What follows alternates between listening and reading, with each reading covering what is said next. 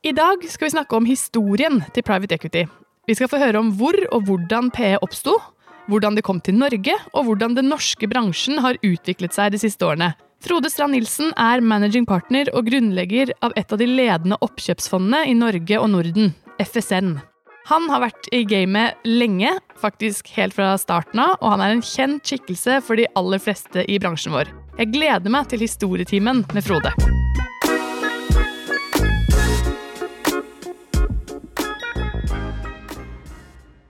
Hei, Frode. Tusen takk for at du ville komme eh, hit og sparke i gang ballet i den første episoden av denne nye podkasten. Og siden det er nettopp første episode, så er det naturlig at vi begynner litt med begynnelsen. Så da lurer jeg på, først av alt, kan du forklare meg hva private equity er? Private equity er jo ikke noe annet enn egentlig en, en, form for å kanalisere sparepenger, om det er institusjonelle eller private sparepenger, inn i kommersiell virksomhet. Eh, og hvis vi går tilbake i tid og ser litt på hvordan dette oppsto, så er det første, faktisk de første sporene av private equity-virksomhet eh, det finner vi i Mesopotamia 5000 år siden, i en by som heter Ur denne byen var den byen hvor Abraham vokste opp, og før han da emigrerte til uh, The Promised Land, eller uh, det, lovede landet. Uh, der drev man Dette var en by som drev en del handel i, i jordbruksvarer. Mesopotamia, denne byen, lå mellom Euphrat og Tigris, de to elvene, så det var et ganske fruktbart område. Så det var store landbruksområder. Eh, og man begynte etter hvert å eh, handle i landbruksvarer. Så si hvis det, var en smart person som skjønte at nede i Hormuzstredet, i Muscat, der var det mye krydder, så man hadde vært i India og i, i, i Asia og hentet, og så satt vi på masse korn, så var det naturlig at man begynte å bytte. Eh, men eh, skulle man gjøre det, så måtte man klare å finansiere en last med korn som man kunne ta med seg ned til Muskat og bytte krydder og komme hjem med krydderet. Um, og da forhåpentligvis, eh, etter denne ferden var ferdig, så satt man ned med, en, med en, en sunt, et sunt overskudd. Um, det man da gjorde, denne personen gjorde, var jo å gå rundt til venner og bekjente og samle inn penger. Eh, og det var for så vidt greit, men etter hvert så fant man ut at man måtte ha en måte å regulere dette på. Og så kom man opp med en form for kommandittselskapsstruktur, hvor initiativtakeren var komplementæren, som satt med eh, ubegrenset ansvar. Og så satt de som la inn pengene sine, de var bare ansvarlige for de pengene de la inn.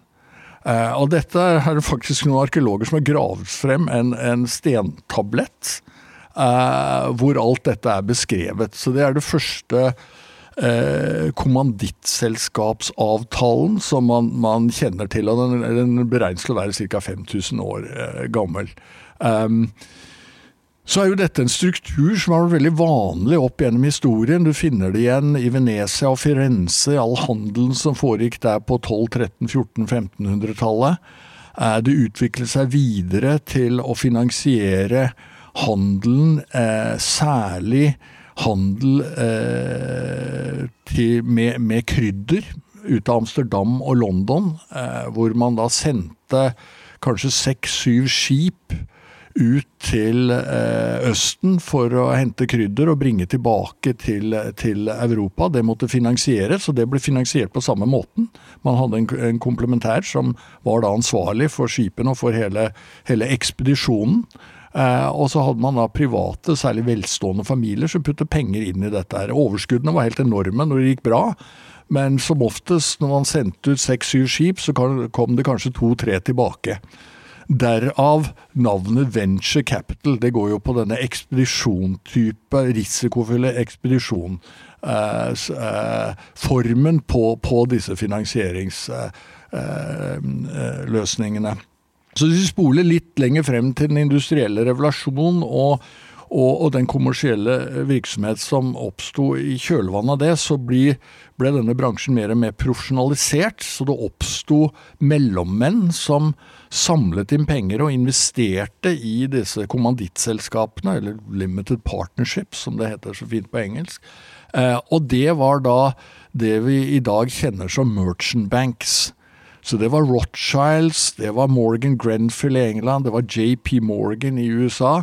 Det var mellommenn som finansierte og ble veldig store finansiærer, som både finansierte, men også puttet egne penger inn i, i dette.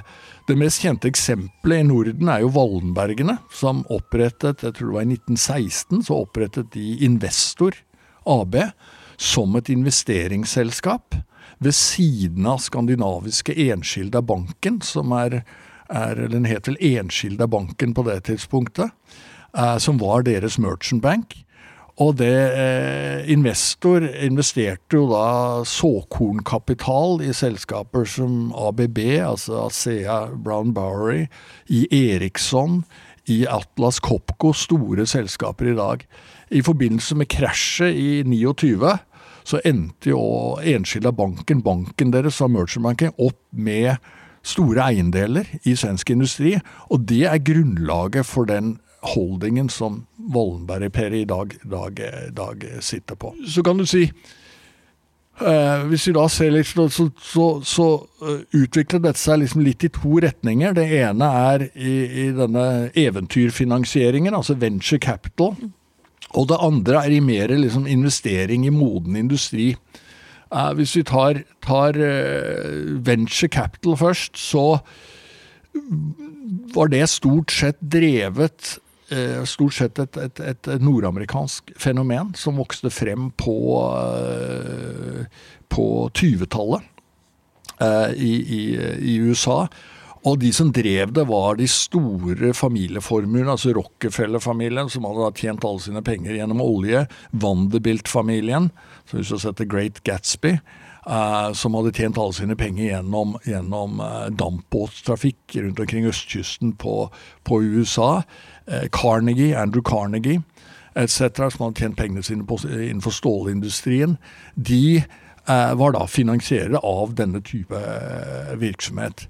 Når det begynte å bli mer formalisert i den formen vi kjenner i dag, det var rett etter krigen. Og det var to herrer. En eh, person ved navn George Doriat, som var rektor på Harvard Business School. Og en som het Carl Camden, som var eh, rektor på MIT. De slo sine pjalter sammen og startet The American Research and Development Corporation, ADCR, heter det vel for kort.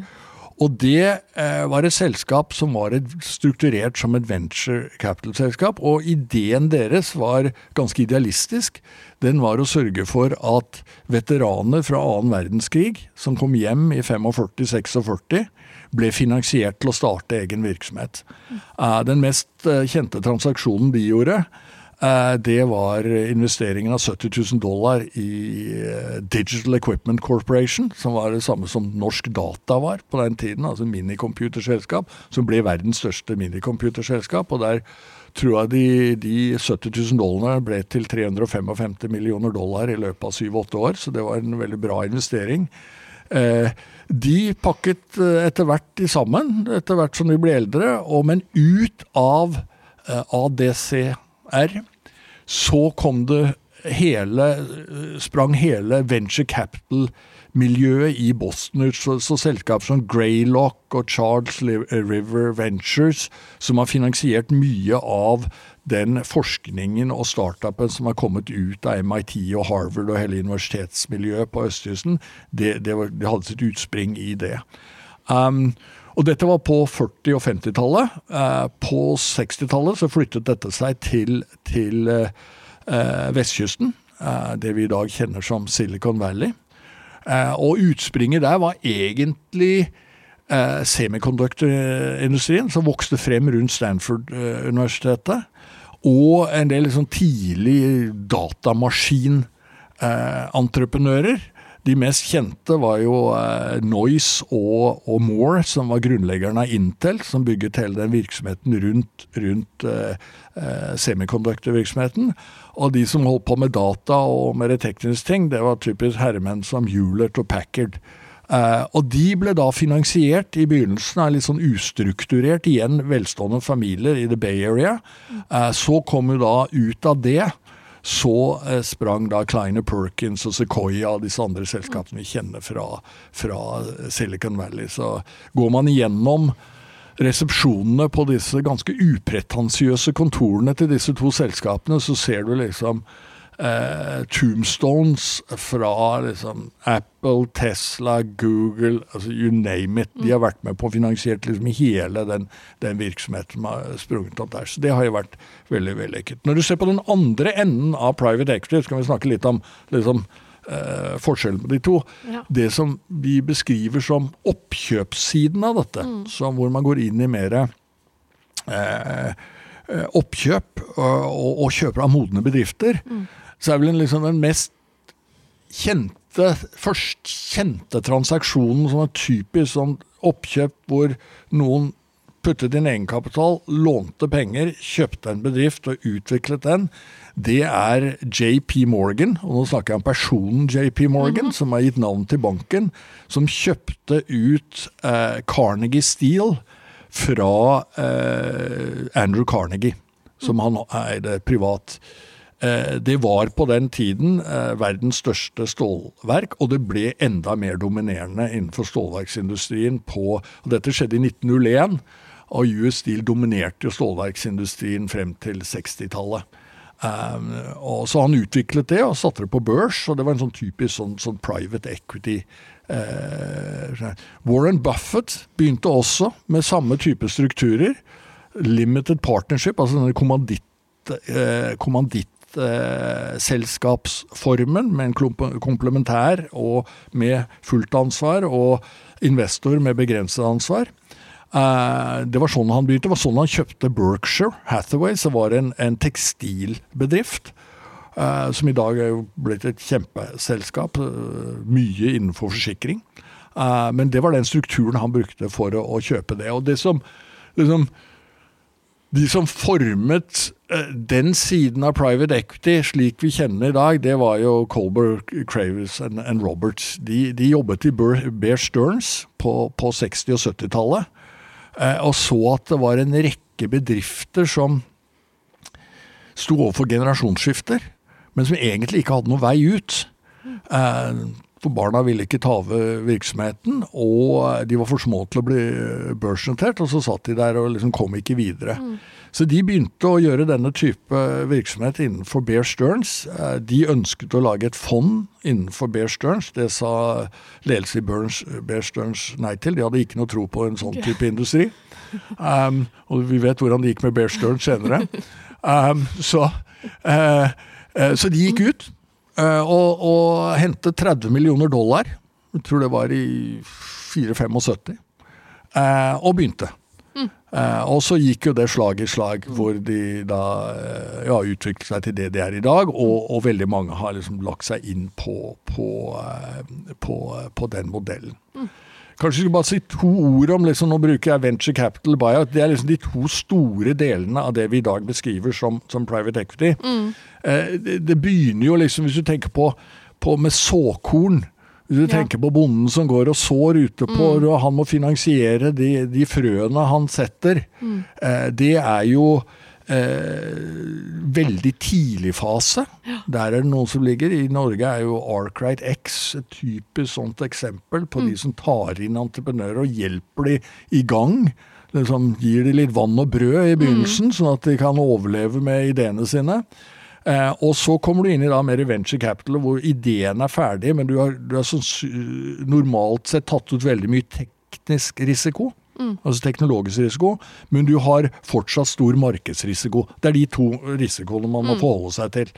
Um, Når man da har tatt ut eh, en del av eh, markedsrisikoen også, og selskapet har begynt å vokse, så ser du at dette er kommersielt riktig. Da trenger det kapital til å akselerere veksten. Mm. Det er såkalt development capital. Det er, det er eh, mindre risiko. Hva? Eller growth, Growth capital. ja. Eh, og så kommer du da inn i det som vi kaller buyout, Mm. eller liksom oppkjøps- og aktiv eierskapssiden Mm. av det. Så det er liksom, det, det er spekteret vi snakker om. ja. Eh, når var det dette kom til Norge, da? Eh, Det kom vel til Norge på slutten av eh, 80-tallet, tidlig i, i, i 90-tallet. Eh, jeg kan bare litt bakgrunn til hvordan jeg kom ja, til det. ja, det var, Eh, Jeg jobbet i London for et selskap som het eh, Bain Company. Og en dag så kom en av partnerne som jeg kjente fra Boston, Mitt Romney, som vi i dag kjenner som, som den, den, moderate Ja. republikanske senatoren. Han var partner i, i Bain Company, og han kom forbi og satte seg ned med noen av oss og forklarte liksom ideen rundt strukturen og ideen rundt private equity.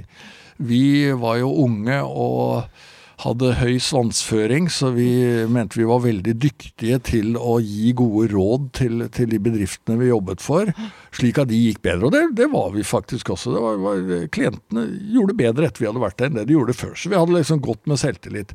Og hans idé var jo da at eh, ja, hvorfor liksom går vi ikke ut og kjøper selskaper og gjør dette her? Og så investerer vi og tjener penger på investeringene vi gjør i disse selskapene, hvis vi er så dyktige. Og det var jo da spiren til Bain Capital, som er et av de store private equity-selskapene. Det var det han som dro i gang innenfor paraplyen ved, ved Bain. Og det, det var en så interessant og inspirerende gjennomgang han eh, ga, dette må ha vært i 84-85, at jeg begynte umiddelbart å titte rundt etter selskaper. Eh, og jeg fant et, et selskap oppe i Norge.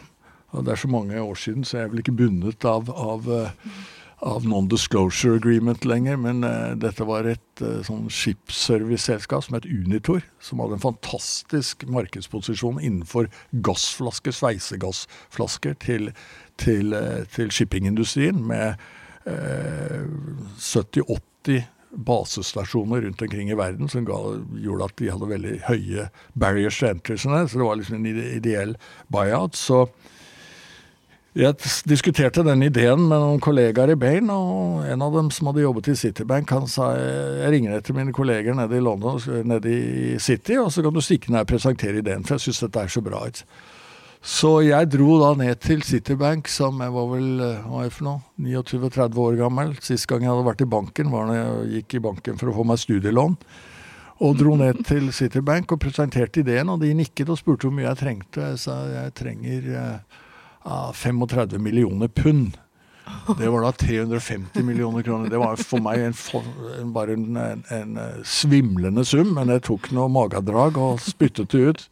Eh, og de så på meg, smilte og nikket og sa ja, men det tror vi, vi ringer deg i morgen, skal vi se på dette her. Så ringte de og sa ja, men det der kan vi fikse. Dette var, det var i 87 faktisk, dette var jo the happy, happy uh, 80s.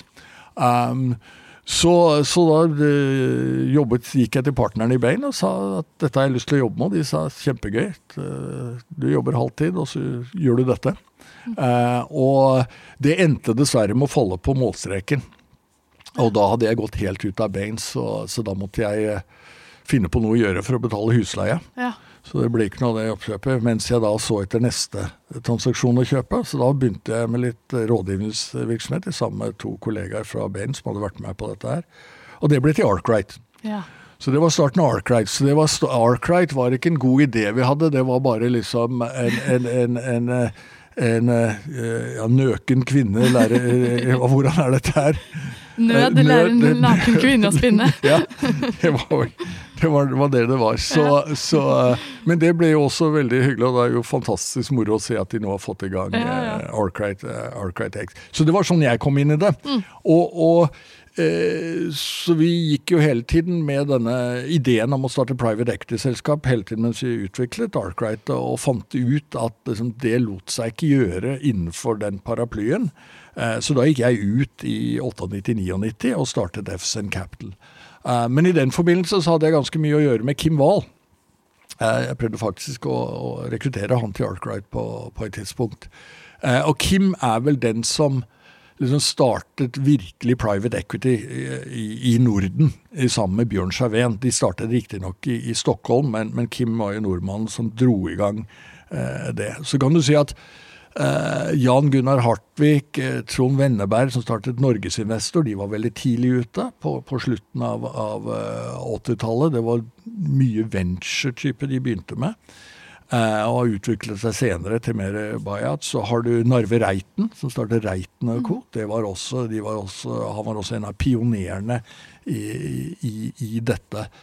Um, så må vi liksom spole frem til slutten av 90-tallet, uh, eh, hvor eh, Ole i Hightech Vision liksom spant ut av hightech og, og gikk mot eh, oljeservicenæringen. Norvestor var også en pioner. De hadde holdt på med en litt annen struktur, og så begynte de å, å forandre seg og, og, og, satte opp en mer rendyrket private equity-modell også mm. på, på eh, på 90-tallet. Hercules bestartet tidlig på 2000-tallet. Eh, og Verdane tidlig på 2000-tallet. Så eh, det er noen veldig sterke miljøer som har vokst frem. Eh, denne, denne, denne bransjen er jo forfriskende objektiv. Hvis du skaper meravkastning utover det investorene kan få ved å investere på børs, så får du mer penger. Hvis ikke, så mister du jobben. Det er ikke så mye politikk ute og går her. Det er ikke så mye markedsføring. Det er, liksom, det er ned til Skaper du verdi? Eh, og det, det, er forfriskende mm. for, for, eh, alle involverte. Nå har du vært inne på en del om det som handler om strukturen i private equity. Men kan du utdype litt mer om øh, hva det betyr å være en aktiv eier, sammenlignet med andre type eiere? Ja, Det enkleste eksempelet er at hvis du putter pengene dine i, i børsen, så er du en helt passiv eier. Altså børsnoterte selskaper. Da er du en passiv eier. Der er det liksom, Du må gjennom en bedriftsforsamling, generalforsamling, et styre for at du skal ha noe påvirkning. Så du har veldig liten påvirkning på hva som skjer i virksomheten. Du kan stemme dine føtter og, og selge aksjene, men utover det så har du ingen uh, innflytelse å snakke om. Vi går inn og vi tar kontroll i selskapene, altså juridisk kontroll mer enn 50% Det er for at vi skal kunne utøve vårt, vårt eierskap. Så vi jobber veldig nært i partnerskap med ledelsen gjennom styret men med ledelsen, eh, og særlig styreformann, styreleder, styrekonsernsjef eh, og vår partner ansvarlig, de jobber veldig nært. Så det er veldig korte beslutningslinjer på hvordan virksomheten skal, skal endres. Uh, og, og, det vi driver med, er endringsledelse. Fordi at ved bare å kjøpe et selskap og så bare la det fortsette som før, det blir ikke noe mer avkastning av. Vi er nødt til å tilføre noe verdi, og det vi tilfører er ledelseskompetanse. Det er menneskekompetanse, altså finne de riktige menneskene og sette de opp på en riktig måte. Det er industriell kompetanse. Og, og, og, og, det er spesialkompetanse innenfor alt fra prising til innkjøp til digital markedsføring, hvor vi enten selv eller bringer inn folk som vi mener at denne bedriften trenger nå å jobbe med prisingen sin. Denne eh, eh, eh bedriften trenger å gå fra direkte salg til inbound marketing. Den type endringer driver vi hver dag i våre selskaper, og det er det som gjør at selskapene går betydelig bedre den dagen vi går ut av de, enn de gjorde da vi gikk inn. Så vi er, all, vi er veldig aktive inne i det. Det er veldig viktig å skille rollene her. Eh, vi er eiere, vi er styremedlemmer. Konsernsjefen, CEO-en, driver selskapet. Konsernsjefen hun er ansvarlig for driften av selskapet. Så vi, vi er ikke inne og gjør operative beslutninger, men vi jobber i partnerskap med eh, henne for å få eh, bedriften til å ta de riktige grepene. Ofte handler det om bare å fokusere på mye færre ting enn et normalt selskap gjør. Hva er det de, de, de de initiativene som virkelig flytter nåla, for å bruke et folkelig begrep, det er det vi jobber med. Så vi fokuserer på tre, maks fire ting som skal doble størrelsen på selskapet i løpet av fem år. Det er typisk planen. Og, og der er vi inne og jobber aktivt med det. Og da var du inne på eierandel, en eierandel du sa på 50 juridisk andel her. Men øh, det varierer litt avhengig av hvilke faser man Ja, eh, det, det, det gjør det. Så i venture så er man jo øh, typisk har man mindre, og det er rett og slett risikoen. At man, man ønsker ikke å putte for Ja. mange egg inn i, inn i en, en Så det er risiko. Etter hvert som Så eierandelen øker når du går inn i det du kalte growth capital. Eh, og, og når du kommer inn i, i, i buyout, så er jo mye mer av, av eh, verdiskapningen kommer fra å styre bedriften enn det den gjør i, i, i venture capital, så er det jo du må, du må anse den teknologiske risikoen, du må kunne den, og markedsrisikoen. Når du, har, når du har tatt stilling til de to, så går veldig mye av seg selv. Eh, Sånn, derfor trenger du ikke å være en dominerende eier. Og så er det veldig viktig å ha med gründeren. I, i den tilfellet. Det er viktig å ha med gründeren i våre selskaper også, men vi må kunne liksom ha det, det, det, det siste ordet eh, hvis, hvis det kommer til det. Men hvis vi skal se litt på nettopp utviklingen av det norske markedet, da. Hvordan har den utvikla seg? Ja, jeg, kan, jeg glemte én ting, og det er en, et, nevner ett selskap, og det er uh, Northzone. De har jo vært fantastisk dyktige innenfor eh, Vi hører ikke så mye om det, men altså, de har jo vært eh, Det er jo The Kleiner Perkins og The Sequoias av, av, av Norden. Eh, så de har jo vært fantastisk dyktige i hva de har, eh, har fått til. Eh, og de startet vel også liksom, tidlig midt på 90-tallet med den virksomheten de, de, eh, de driver. Eh, Jeg tror, vel det som har, har endret seg, vel det, det var jo liksom to eh, sjangere. Det ene var liksom Ole som drev. Eh, I og med at han kom ut av liksom offshorenæringen, så, så eh, jo, har jo Hightech Vision vært fantastisk dyktige til å bygge videre på den kompetansen og, og det nettverket de har hatt innenfor offshorenæringen, både i Norge og i, i, i USA. Mm. og bygget opp et, et veldig dyktig miljø på det. Og så har de nå snudd seg helt rundt og, og gått inn i renewable energy, som er fantastisk. altså Veldig mye av den samme kompetansen, så det er jeg helt sikker på de kommer til å lykkes veldig godt med. Eh, og det er jo superspennende. At de er så, har vært så tidlig ute med å liksom snu seg rundt og, og gå liksom ut bort fra sin kjernevirksomhet litt, mm. og gå inn i det som nå eh, det som nå kommer, den nye vinen. Eh, så det, det blir veldig spennende å følge med på hvordan de, de utvikler seg der. Så de drev veldig Egentlig ganske rendyrket innenfor liksom, uh, oljeservice. Og så gikk det jo inn i utvinning av, av altså tail end-prosjekter i oljeutvinning. Uh, og igjen gjort det fantastisk bra innenfor for, for det. Og Så er det jo resten av oss som har egentlig har vært liksom litt sånn generalister. Eh, liksom, er det noe å kjøpe, så kjøper vi det.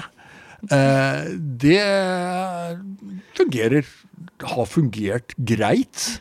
Eh, Men jeg tror nok at det vil ha en utfordring fremover. Ser du Hvis vi bare snakker for, for liksom vår egen del, så vi har utviklet oss fra Oslo til, til Stockholm til København og nå eh, til München, så vi, vi dekker hele Nord-Europa. Eh, og det gjør vi som generalister. Det er ikke sikkert at det er en modell eller en strategi som vi kan fortsette å vokse fra. For det som skjer nå i industrien, det er at du øh, mer og mer penger flyter til de større og større. Ser du på IQ10, som har vært fantastisk dyktige til å institusjonalisere det de gjør.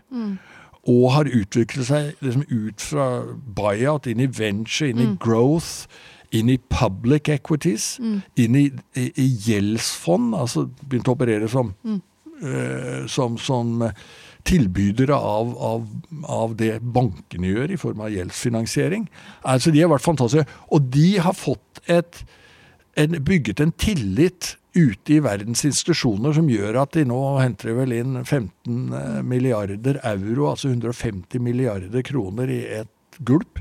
Eh, Så, det, så, så de har klart å liksom bygge den. Og det er flere og flere selskaper av den typen. Du ser på Steve Schwartzman og Blackstone og KKR og CVC og, og eh, Carlisle, alle disse store gruppene, de vokser seg større og større. For investorene syns det er liksom greit å ha en one stop shop hvis de får en god avkastning. Vi vil jo hevde at vi har mye høyere avkastning, og det har vi også. Men du, du får ikke plassert nok penger, det er fryktelig mye arbeid å, å, investere liksom eh, 100 millioner euro, sa Nilsen, i forhold til å putte 1 milliard euro i, borte hos Anders Misund. Det, det, det, blir liksom litt enklere arbeid ut av det, og samme arbeidet må gjøres. Så det ser vi, så, så, svaret på det, av det som kommer til å skje, tror jeg er at, eller som vi ser, er at eh, man må spesialisere seg. Enten at man spesialiserer seg innenfor en, en, en snever region. Så liksom Eh, man er liksom den beste spilleren som har det beste nettverket i Norge og Sverige, eller i Skandinavia, er vel en, liksom en grei eh, Og da kan man være generalist, vil si. Mm. Eller så må man spesialisere seg innenfor en sektor, om det er liksom Medtech, om det er Eh, om det er renewables mm. som, som, kommer nå, hele liksom den fornybar-grenen, om det er manufacturing, altså tradisjonell industri, men man er liksom bare eksperten på det. Um, om det er handel, whatever. Du, du, har liksom verticals, eller temaer, som vi nå jobber med eh, for, å, for, å, liksom se hvilke eh, fremtidige temaer er det som kommer til å være attraktive å investere i, og hvilke sektorer er det du kan bryte det ned i. Mm. Er det noe som er mer utbredt i venture, eller tidlig fasefondene. Um, for det første så ser vi jo no, Mange av de du har nevnt nå, er jo oppkjøpsfond. Ja. Um, og det har vel skjedd mye på venturesiden de siste særlig 10-15 år nå, men her ser vi mer spesialisering der? Ja, altså, jeg, nå glemte jeg å nevne kanskje det aller beste. Nesten like bra, i hvert fall uh, Norson og uh, Hadian. Ja. Altså Ingrid Heigland og Kay. Ja. Uh, de, de, er jo tidlig men, men, når jeg ser hva de får til, så er det klart at de er veldig spesialisert innenfor liksom medtech. Mm. Eh, og er ekstremt kompetente innenfor det området. Mm.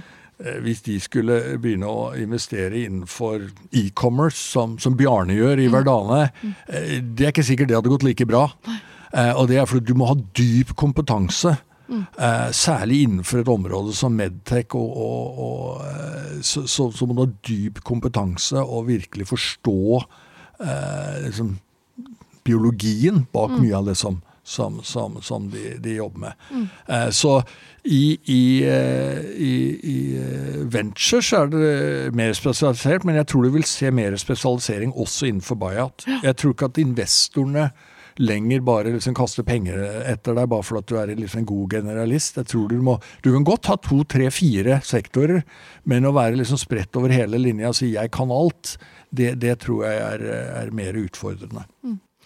Men hvis vi ser på aktivitetsnivået da, de siste uh, ti, ti, årene um, Så vi ser jo en jevn økning i aktivitetsnivå både i antall investeringer og og kapitalsummen på kapital som fondene klarer å reise, og, og, penger investert i hvert enkelt selskap. Hva tror du er grunnen til at denne bransjen vokser så mye som den gjør? Nei, nei Grunnen til det er, det er, to ting. Det ene er liksom at, at det er liksom the, the, the, the, hunt, the quest for yield. Altså jakten etter avkastning den har tiltatt enormt fordi at altså særlig store pensjonskasser rundt omkring i verden det er en enorm underdekning, for de får ikke avkastning på øh, sparepengene til folk. og Dermed så får de underdekning i forhold til de forpliktelsene de har.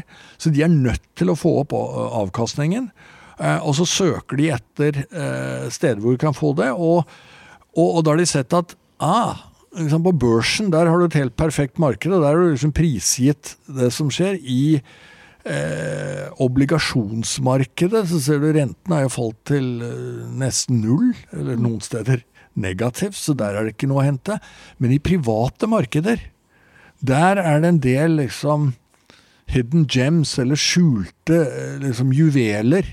Mm. Eh, og hvis du kan finne eh, den riktige partneren som kan finne frem Jeg kaller det ofte sånne trøffelbikkjer som liksom roter rundt omkring til de finner den trøffelen, som har vært veldig mye.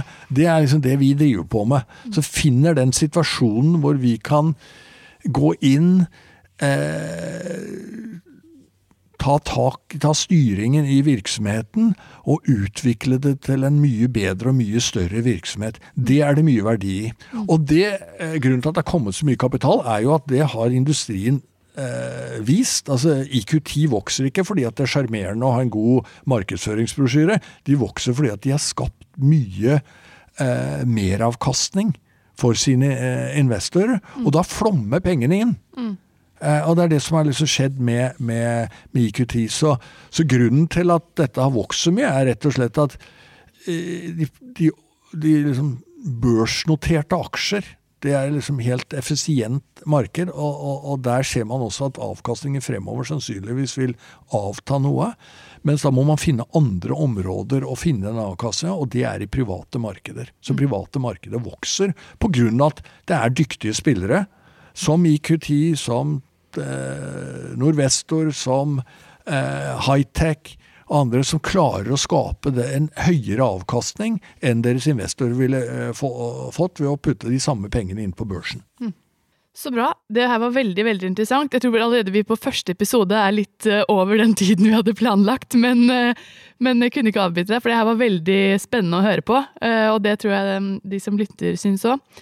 Så for å oppsummere det kort, da, så har vi fått høre at vi må faktisk helt tilbake til Mesopotamia og Ur for å finne historien, eller opprinnelsen til historien til private equity. Det var lenger enn jeg hadde sett for meg. Vi har hørt om um, venture capital, som egentlig kan oversettes til eventyrfinansiering. Uh, og hvordan det utviklet seg til mer moden industri. Du har fortalt oss om Rockefeller og Vanderbilt-familien, JP Morgan, som kjøpte ut Andrew Carnegie på, um, i 1901. og som dominerte stålindustrien helt frem til 60-tallet.